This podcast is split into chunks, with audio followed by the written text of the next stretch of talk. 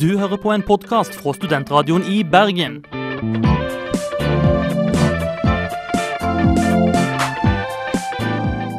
Denne og mange andre flotte podkaster finner du på podkast.srib.no.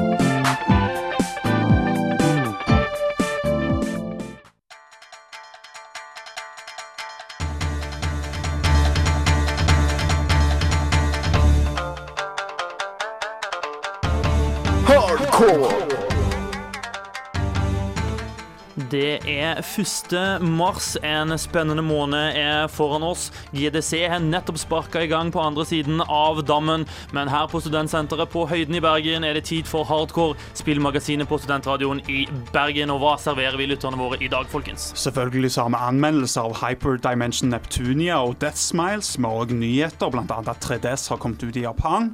Vi skal òg se på hva samleobjekter Skandinavia har å by på. Vi skal jo òg se på eh, Gears of War og eh, GTA, som eh, har blitt Som kanskje kommer til å lages nå snart. Vi har også faktisk funnet fram en artig, obskur spillåt som vi skal gi dere, så det er all grunn til å henge med videre her i Hardcore.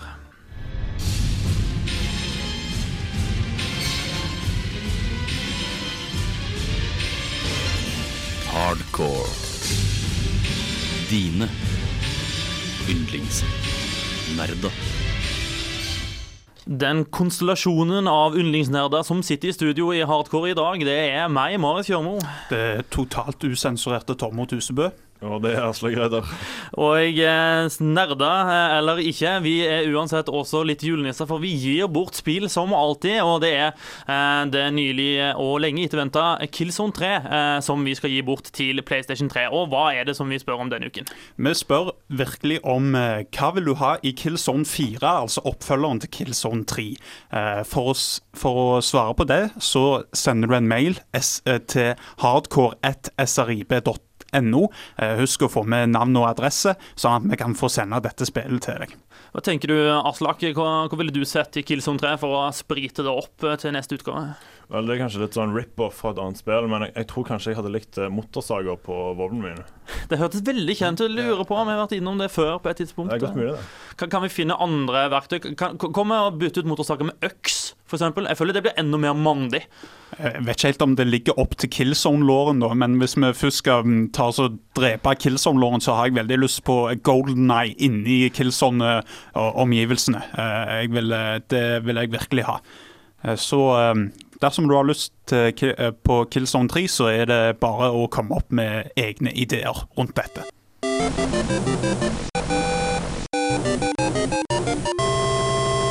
Ukas toppsaker. Ukas eh, toppsaker er det tid for her i Hardgård, og eh, en eh, Ja, vi kan jo begynne i Japan, eh, som vi jo ofte gjør. Eh, og der har vi jo fått eh, en ny konsoll eh, ut i butikkene. Ja, 3DS har jo kommet ut, eh, som alle vet, eh, og nyhetene er jo stappfulle med nyheter knytta til 3DS. Og den, eh, en av de siste nyhetene nå, det er at alle eh, konsollene eh, av 3DS har blitt solgt ut i Japan. Eh, likevel så har det nettopp kommet ut et nytt shipment. med spent selvfølgelig hvor, hvor, eh, hvor kjapt det blir solgt ut, men jeg regner med pga. Pokémons utrolige stabile popularitet, så kommer vi til å garantert se mange eh, 3DS-er som blir solgt bare ikke her, men òg i, Japan. Ja, altså Det var 400 000 3DS-er solgt ut eh, innen de første 24 timene. Eh, Har dere tenkt å skaffe dere en eh, 3DS? Jeg ser ikke helt eh, poenget med det. Jeg har veldig liten tro på at det kommer til å funke så bra som, eh, ja, som de sier at det skal funke. egentlig. Jeg har eh, jævla fucka syn da, med et venstre øye som sover stort sett hele tida, så jeg er veldig spent på om jeg klarer, å se, eh, klarer å se denne 3DS-effekten. fordi at på kino og eh, på 3D-TV så klarer jeg aldri å se effekten. Jeg ser bare et veldig klart bilde. Så jeg, er, jeg er spent. Hvis jeg ser 3D-effekten, så kommer jeg til å se, kjøpe 3DS. Hvis du ikke kan se 3D-effekten på 3DS, så kan du jo kjøpe deg en PlayStation 3 isteden. Eller kan du egentlig det, Tormod? Nei, det kan du aldeles ikke. Ikke foreløpig, iallfall. Fordi at eh, PlayStation 3 har altså blitt stoppa av EU eh, sin, sin tollmyndighet fordi at LG er pissed. Og hvorfor det? vel eh, De har vel eh, stjålet um, Eller Sony mener at uh, Unnskyld, LG mener at Sony har stjålet litt av teknologien som du bruker i, i Blu-ray-CD-ene sine. Så, så de har uh, tatt en liten uh, god gammeldags uh, klikkings og sagsøker de for alt de har.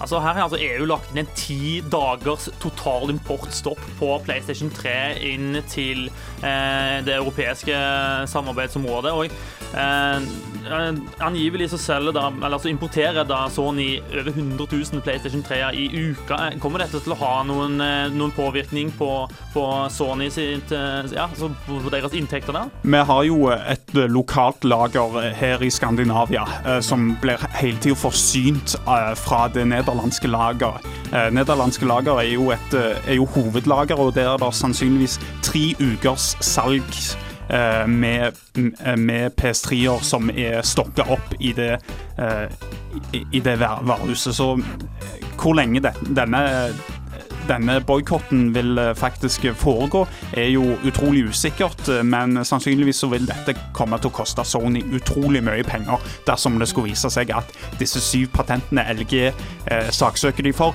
er faktisk brutt. Ja, for De kan jo risikere å måtte betale LG godegjørelse for hver eneste PS3 de har solgt.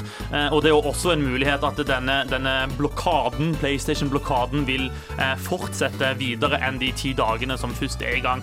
Eh, Sony har selvfølgelig hele det juridiske apparatet i gang med å stoppe dette her, men vi får i hvert fall følge utviklingen. Men hvis du har planlagt å kjøpe deg en PS3, så kanskje du bør løpe til butikken med en eneste gang for å være sikker på at du får den før det går tomt.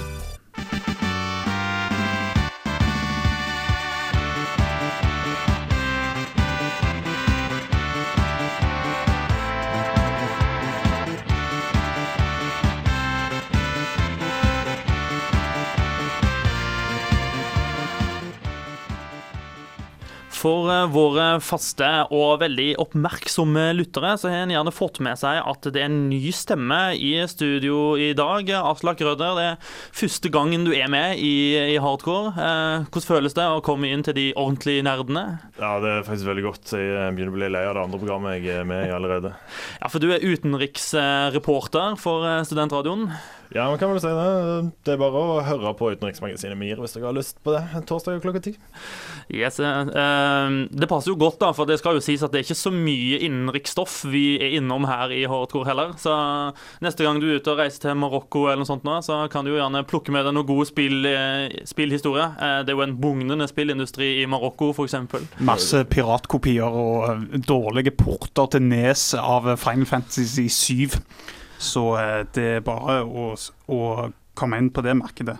Eh, Faktisk så er de ganske flinke til å lage sånne rip-off-spill av gjerne CS eller noe sånt lignende på liksom arabiske so- eh, såpeoperaer og lignende. Det er fantastisk morsomt. Ja, det er ikke noen av disse du har sittet med de siste ukene? Nei, jeg har uh, faktisk eh, begynt å spille EVE Online igjen. Uh, noe som passer godt med studiene mine, fordi du kan sitte og spille det uten å egentlig gjøre noe på det. Uh, I går så brukte jeg jo syv timer på å flytte ressursene mine. Ja, det, det, var, det var verdt det.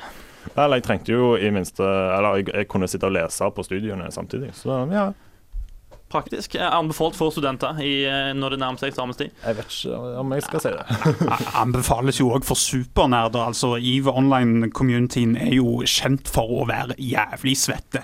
Eh, og blant annet så har de jo egne gatherings eh, i, både i Europa og Amerika, der de samles eh, mange tusen mennesker og spiller online sammen. Men hva er det du spiller i det siste? da? Du er jo kastet deg på EVE Online-bølgen, du også? Nei, dessverre. Eh, Jeg har mye annet jeg skal gjøre. Blant annet så har jeg spilt eh, en Angry Birds-klone eh, som finnes til både til iPad og iPhone, som heter Pirates versus Ninjas versus Zombies versus uh, eh, eh, versus Pandas. Eh, og selvfølgelig pandaene uh, havner jo logisk i denne rekkefølgen. Uh, der du Det er rett og slett bare en Angry Birds-klone til seks kroner på AppStore, som jeg anbefaler, som er veldig polert og er utrolig gøy. Har ganske spenstige karakterer. Eh, jeg elsker òg biljard. eh, spesielt snooker er en av mine lidenskaper. Og eh, til, til både til iPhone og iPad så finnes det et spill fra Namco som heter Pool Pro Online. Som da ut ifra navnet gir deg muligheten til å spille ulike biljard- og snookertyper online, og, eh, og få ranka scoren din eh, eh, via GameCenter-funksjonaliteten. Jeg holder òg på med Bulletstorm eh, fra Epic og People Can Fly, som jeg anmeldte sist uke, og jeg storkoser meg fortsatt med det.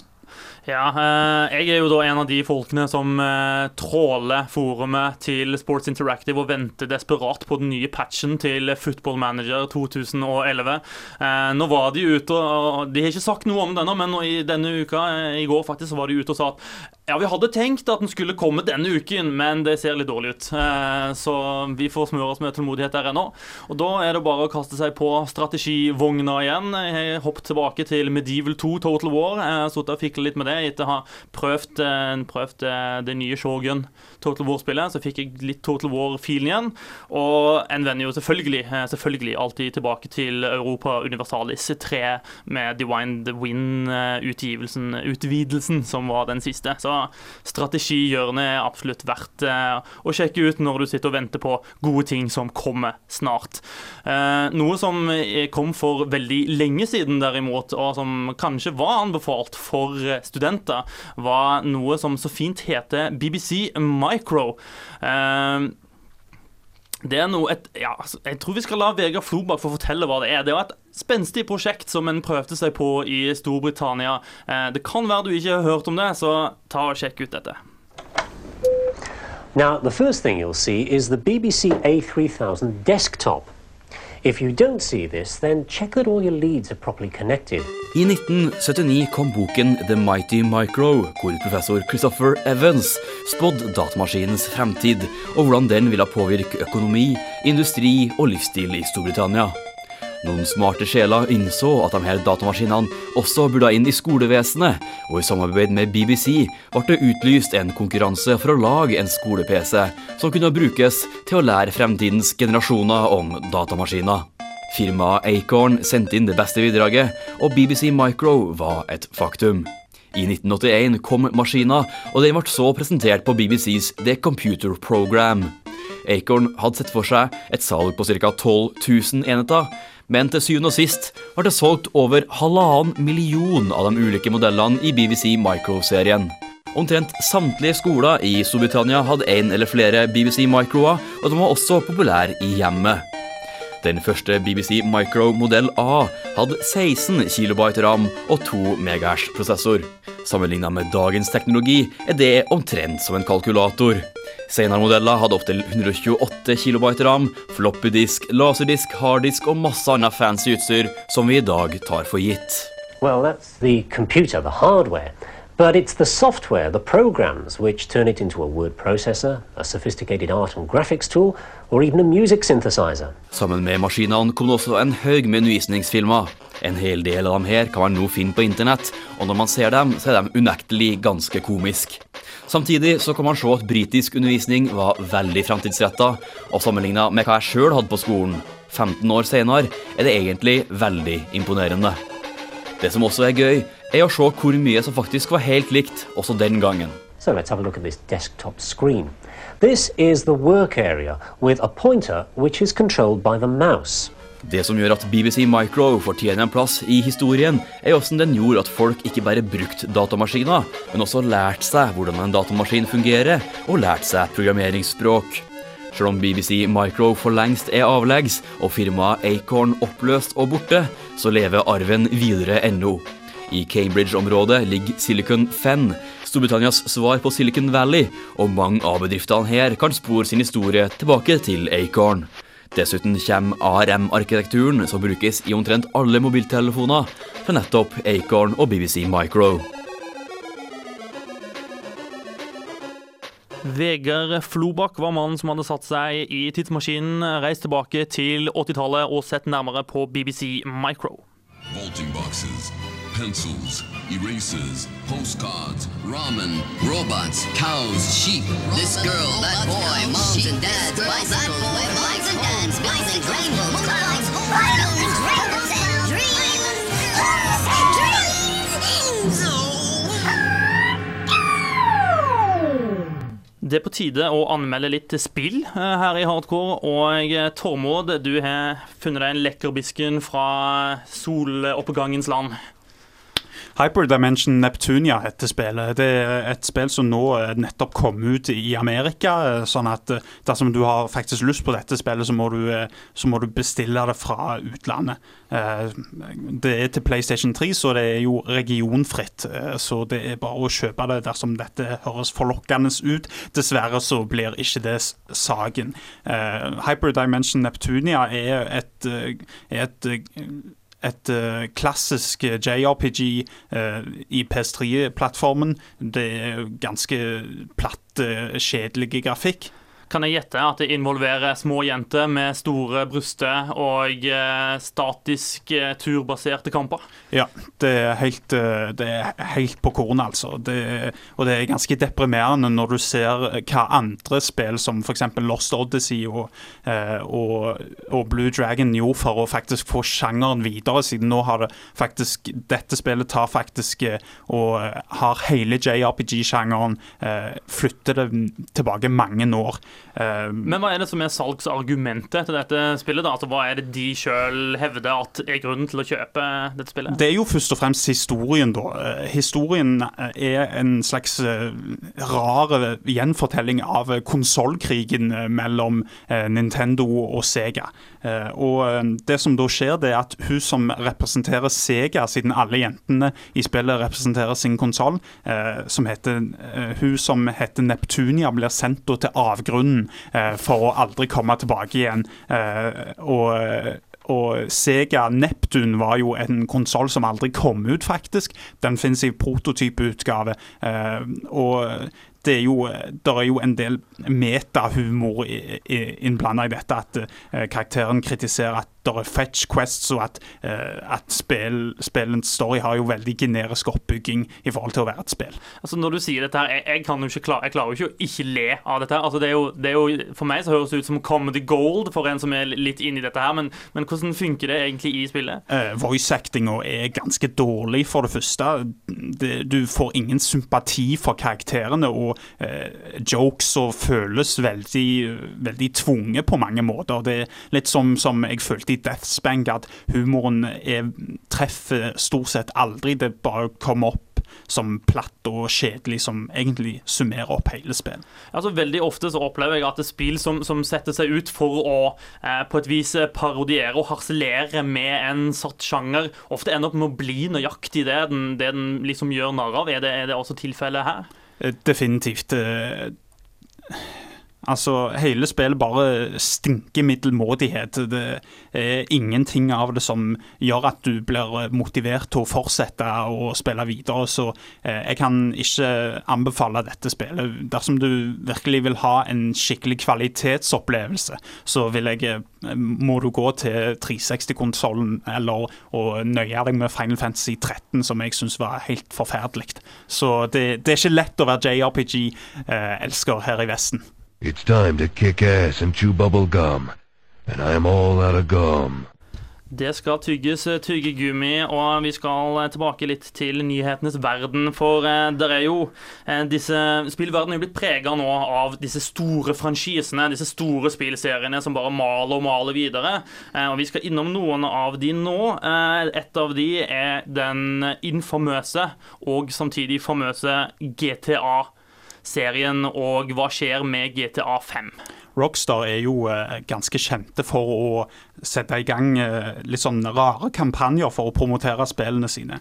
Eh, og det er òg tilfellet nå med at de har registrert en, et knippe med domener som dessverre eh, ikke sier så voldsomt mye om hva spill det faktisk er registrert om, men vi har gode grunner til å tro at dette handler om GTA 5. eh, som eh, vi er sikkert utrolig eh, gleder oss utrolig til, selv om det ikke er annonsert ennå. Aslak, har du noe forhold til GTA? Vel, det er jo fantastisk eh, bra spill, uh, firen iallfall. Uh, jeg vet ikke helt om jeg likte så godt uh, trien, men én og toen var jo òg uh, fantastiske og funker jo dritbra. Jeg, synes, jeg må bare si at jeg syns det er veldig morsomme domenenavn de har, de har prøvd å, å, De har kjøpt, som Cash for Dead Dreams og Stop Paying Your Mortgage.net. Det er jo, det er jo morsomme navn. Jeg gleder meg til å se hva de gjør med det det er jo mange som mener at dette her signaliserer at, uh, at, det, at GTA 5 kommer sannsynligvis til å være litt mer useriøst enn uh, GTA 4. For det som virkelig plagte meg med GTA 4, da, det var at det var så seriøst og det, det var så utrolig uinspirerende og platt og kjedelig. Så disse domenene er jo litt underholdende, iallfall. Så jeg håper at de virkelig går tilbake til eh, sånn som de gjorde i GTA San Andreas og GTA Vice City, med at de gjorde det eh, som en slags parodi på eh, actionhistorier. Et spill som garantert kommer til å være seriøst, er den neste utgaven av Gears of War. Eh, og Der har det jo begynt å komme litt informasjon om. Ja, eh, det er vel, eh, det, er lagt ut en beta nå uh, for uh, multiplayer for Gears of War 3, som, som er mulig å logge seg på og melde seg inn. så var det slutta på mandag, det.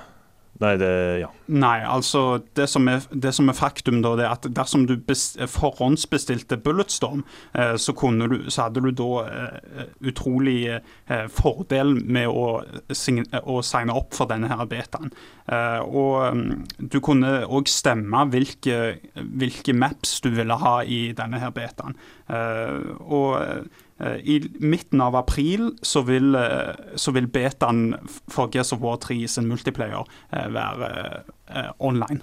Men vi er gira for Gears of War 3, er det ikke det? Altså, det, er liksom, det har kommet mange spill etter hvert som, som, søker å være GTA, eller nei, unnskyld, Gears of War, eller i hvert fall prøver å være inspirert av det. Men det er bare ett Gears of War. Det er kun ett spill som klarer den der utrolige macho hakke ned fiender med motorsagfilen på, på den måten som Gears of War gjør. Ja, det er jo akkurat det. Jeg, har, jeg, må innrømme at jeg har en stor svakhet for disse enorme menneskene som bare brøler ut eh, sinte ordtak eh, mens de eh, skyter og sparker seg gjennom ormer. Omringa av masse, masse blod. Det, det er ikke noen andre spill som klarer det på denne kleine måten som de gjør. Og Epic, eh, som lager spillet, har jo alltid uttalt at eh, deres strategi når de lager oppfølgere, er eh, lag det samme, bare mer av alt, og alt skal være større. Og det gleder vi oss til.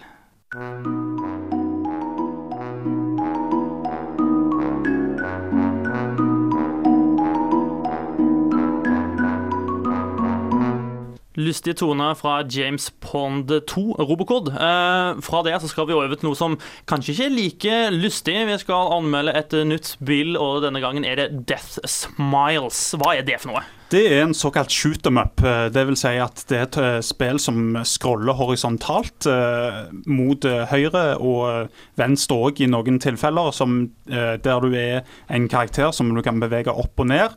Eh, og eh, da skyte alt som kommer mot deg. Eh, og Death Smiles er et klassisk eksempel på dette.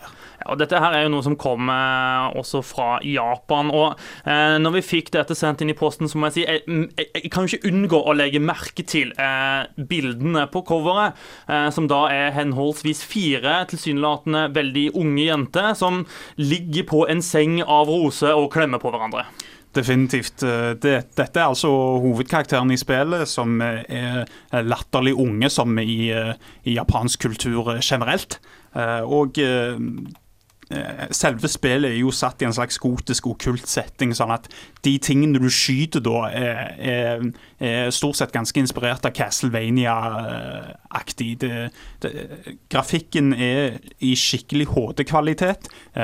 Alt ser veldig fint ut. Eh, det er ganske mye sånn rare bosser, blant annet så skal du skyte i stykker en gigantisk ku eh, som de har bare tatt en film og så, og så kutta rundt filmen, eh, sånn at du skyter faktisk på et bilde eller en animasjon av ei ku. Men ellers er den visuelle stilen det er killer, skikkelig syre. Du kan lett få epilepsi av dette her.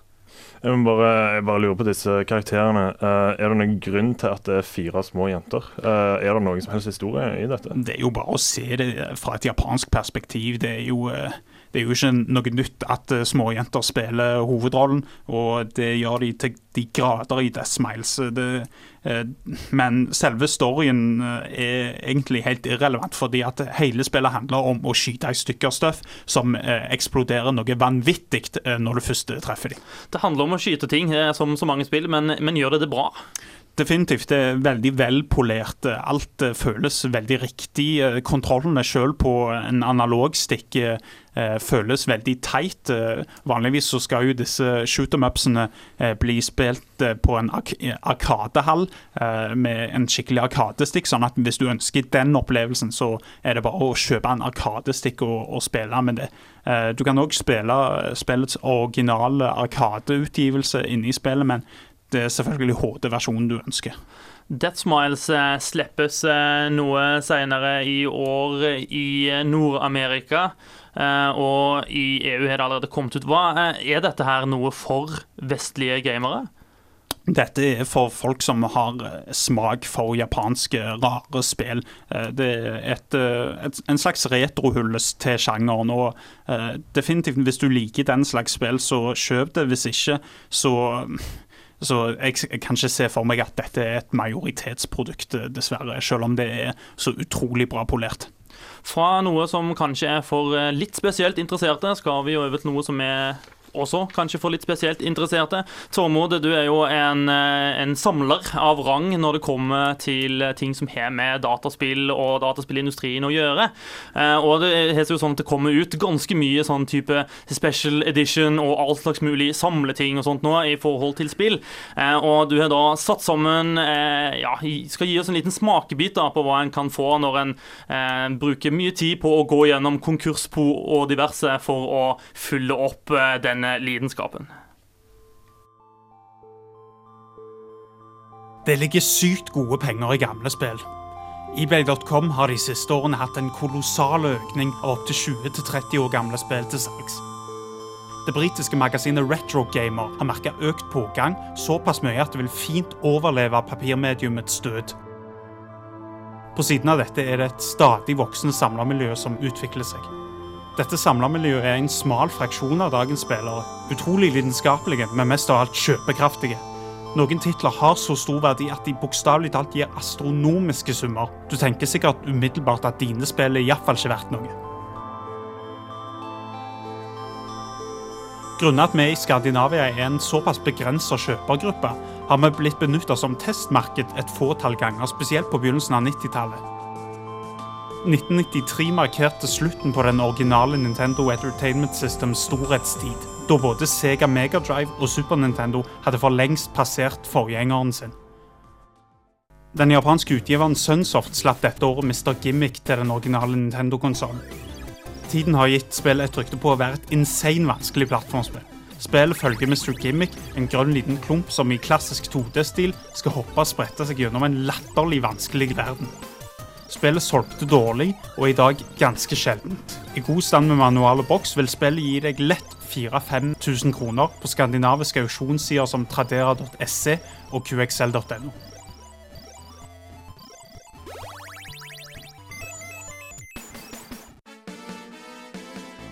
Castlevania har i forhold til sin dalende popularitet i Vesten hatt en ganske god andel utgivelser her i Norden. Den skandinaviske importøren Bergsaler har støtt og stadig importert spillene til det norske markedet, med tydeligvis en viss suksess. Castlevania Rondo of Blood var originalutviklerens storslagne hyllest til serien, med nydelig grafikk, soundtrack og gameplay. Alt Castlevania sto for, ble reindyrka i denne utgivelsen. Det ble i Japan lansert konsollen PC Engine, kjent som TurboGrafx 16 i Vesten. Spillet kom aldri ut i Europa og Amerika, men vi fikk en vesentlig dårligere Super Nintendo-port. Dette ble titulert Castlevania 5 Vampires Kiss i Europa, og en komplett kopi går gjerne for over tusenlappen på eBay og Tradera.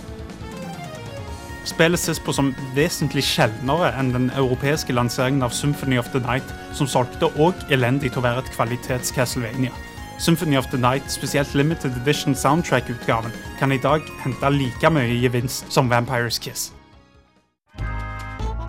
Ekornet Conquer starta som en søt, uskyldig karakter i Nintendo 64-klassikeren Diddy Kong Racing.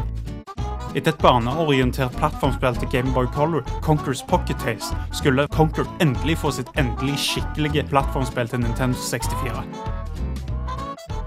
Midt under utviklingen kasta utvikleren Rare hele det originale barnevennlige konseptet vekk, og ville istedenfor teste Nintendos til nå svært strenge sensur av såkalt upassende innhold. Conquer's Bad Fear Day ble spillets endelige tittel, og den tittelen bærer spillet med stil. Nintendo 64s minkende suksess på slutten av 90-tallet og PS2s enorme suksess gjorde at 2001-tittelen gjorde det salgsmessig utrolig dårlig.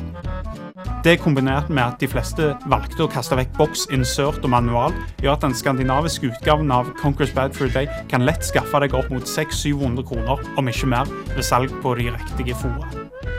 Ironisk nok er dette likt spillets opprinnelige utsalgspris. Ja, for de som ikke husker det, så var Nintendo 64-spill i Skandinavia notorisk dyre. EU ga faktisk Nintendo bot på 1 milliard kroner for prisfiksing på 64-plattform.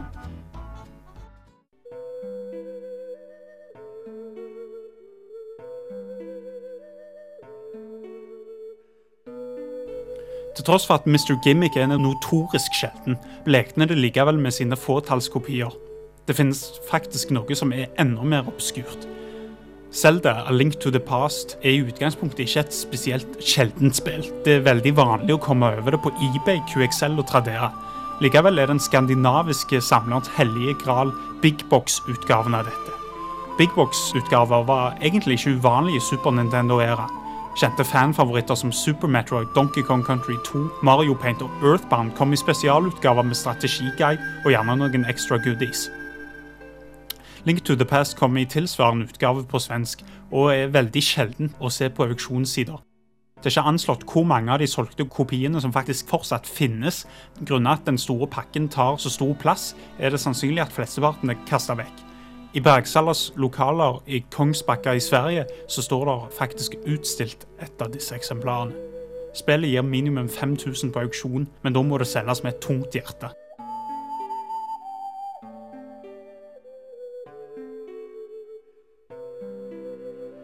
Har du likevel et vanlig Zelda-spill, så er det ikke bare å fnyse av det. Eskene til Gameboy-spill er sjeldne her i Norge. Og har du Zelda Links Awakening eller Zelda Links Awakening DX med skandinavisk manual og eske, kan du enkelt tjene godt opp mot en tusenlapp for det. Det samme kan sies om Nintendo 64-klassikerne Ocarina of Time og Majora's Mask.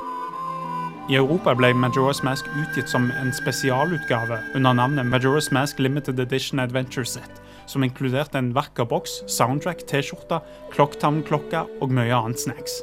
Det ble kun utgitt i 1000 eksemplarer, men dukker jevnlig opp på auksjonssider. En forsegla utgave av dette får lett 5000 kroner på verdensveven.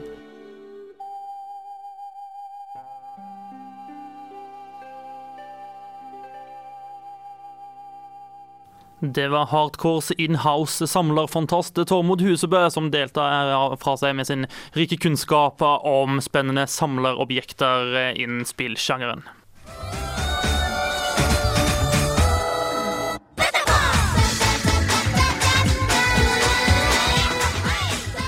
Hvis noe er rart og japansk, da finner du det i hardcore.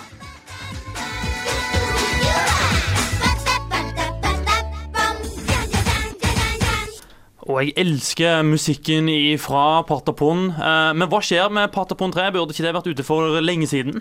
Snarere så er det faktisk rett rundt hjørnet. April det 12. så kommer Patapon 3 til PSP, altså vanlig PSP.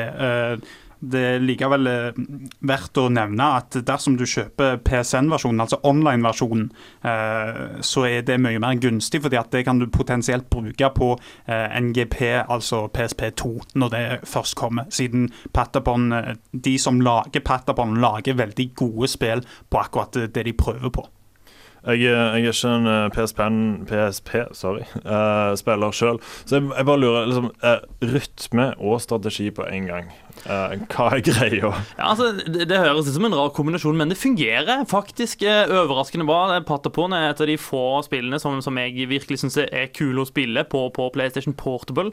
Uh, altså, Du har en liten hær med søte, små strekmenner som du skal lede inn i krig, og dette gjør du da med å følge musikken i spillet og trykke på de rette knappene på de rette tidspunktene, uh, samtidig som du, du får erfaringspoeng og kan liksom bygge ut hæren din til å bli bedre. Så kommer det masse bosser og andre store hærer, små landsbyer du skal invadere. Det er kjempekoselig og kjempegøy. Det er definitivt òg et av de spillene som får eh, batteritida til PSP-en å, å synke rett ned, fordi at det er så avhengighetsskapende. Så um, det er bare å glede seg til Patterborn 3.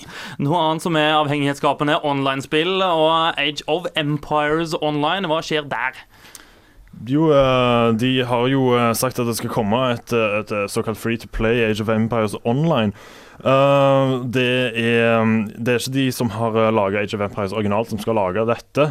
Uh, og, og dette ser eh, noe underlig ut. Eh, så vidt jeg forstår, så skal det vel òg være mulig også, eh, at dette er på hele tiden. At man ikke eh, er nødt til å være uh, pålogga på kontoen sin, og at det er mulig å på et eller annet vis angripe eller noe sånn lignende utvikle um, uh, imperiet sitt eh, mens man er offline òg.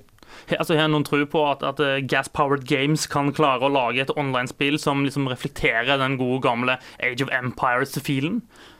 Eh, Ensemble eh, Studios uh, sitt siste spill var jo Halo Wars, uh, som egentlig ikke var noe særlig bra strategispill, som stort sett ingen kjøpte, bortsett fra, fra å få um, eh, tidlig access til Halo 3 ODST. Men Gas Powered Games har jo lagd Supreme Commander, som er en kvalitetstittel av de sjeldne, og Supreme Commander 2. Så jeg, jeg vil tro at om det ikke kommer til å bli et nytt, skikkelig Age of Empire-spill, så håper jeg at eh, det kommer til å bli uh, iallfall uh, greit nok. En annen gammel strategiklassiker er jo Command and Conquer, og der kan jo se ut nå som om eh, vi skal få et nytt forsøk på å lage et eh, Command and Conquer-spill. Hva er det som skjer der?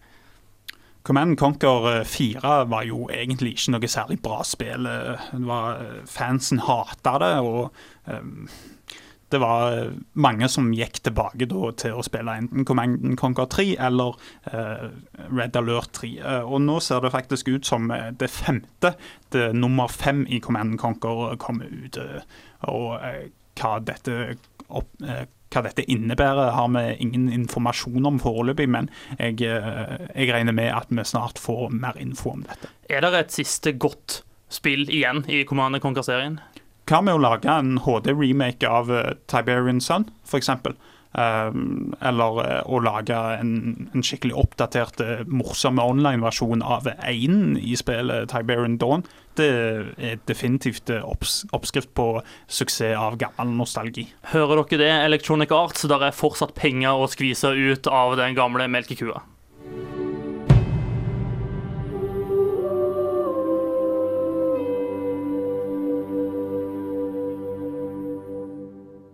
Før vi her i Hardcore forlater radiostudio for å returnere til våre respektive spillkonsoller som er hjemme og venter på oss, så må vi minne om at eh, vi har en fantastisk konkurranse der vi gir bort eh, Killzone 3. Og hvordan kan eh, du, kjære lytter, bli den heldige vinneren av det spillet? Du er nødt til å tenke ut eh, hva du vil faktisk se i oppfølgeren til Killzone 3, som vi eh, vet med stor sannsynlighet kommer, eh, Killzone 4. Du er nødt til å tenke ut hva du vil egentlig se i det spillet. Dersom du har et forslag til dette, så sender du en mail til hardcore.srib.no. Husk å få med navn og adresse, og selvfølgelig òg skriv forslaget. Denne sendinga er over. Eh, Vi har hatt hjelp av Vegard Flobakk, som eh, var tilbake på 80-tallet og så på BBC Micro. I tillegg så har det vært oss som er i studio her. Bak spakene meg, Marit Kjørmo. Det er meg, Tormod Husebø. Og meg, Aslak Rødov. Og på andre siden av glassveggen, den alltid flotte og fjonge produsenten vår, Andreas Roaldsnes. Og en eller annen rar kar som sitter og veiver veldig der ute. God stemning som alltid i Studentradioen i Bergen, og det får du også neste tirsdag når du hører på Hardcore. Eh, tirsdager klokken tolv, eller når du laster ned podkast på podkast.srib.no. Ha en fantastisk uke videre. Hardcore fikk du i samarbeid med GameStop og gamersgate.com.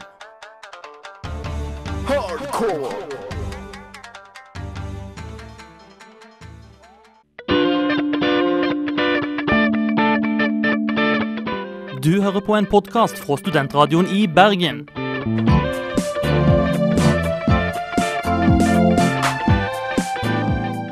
Denne og mange andre flotte podkaster finner du på podkast.srib.no.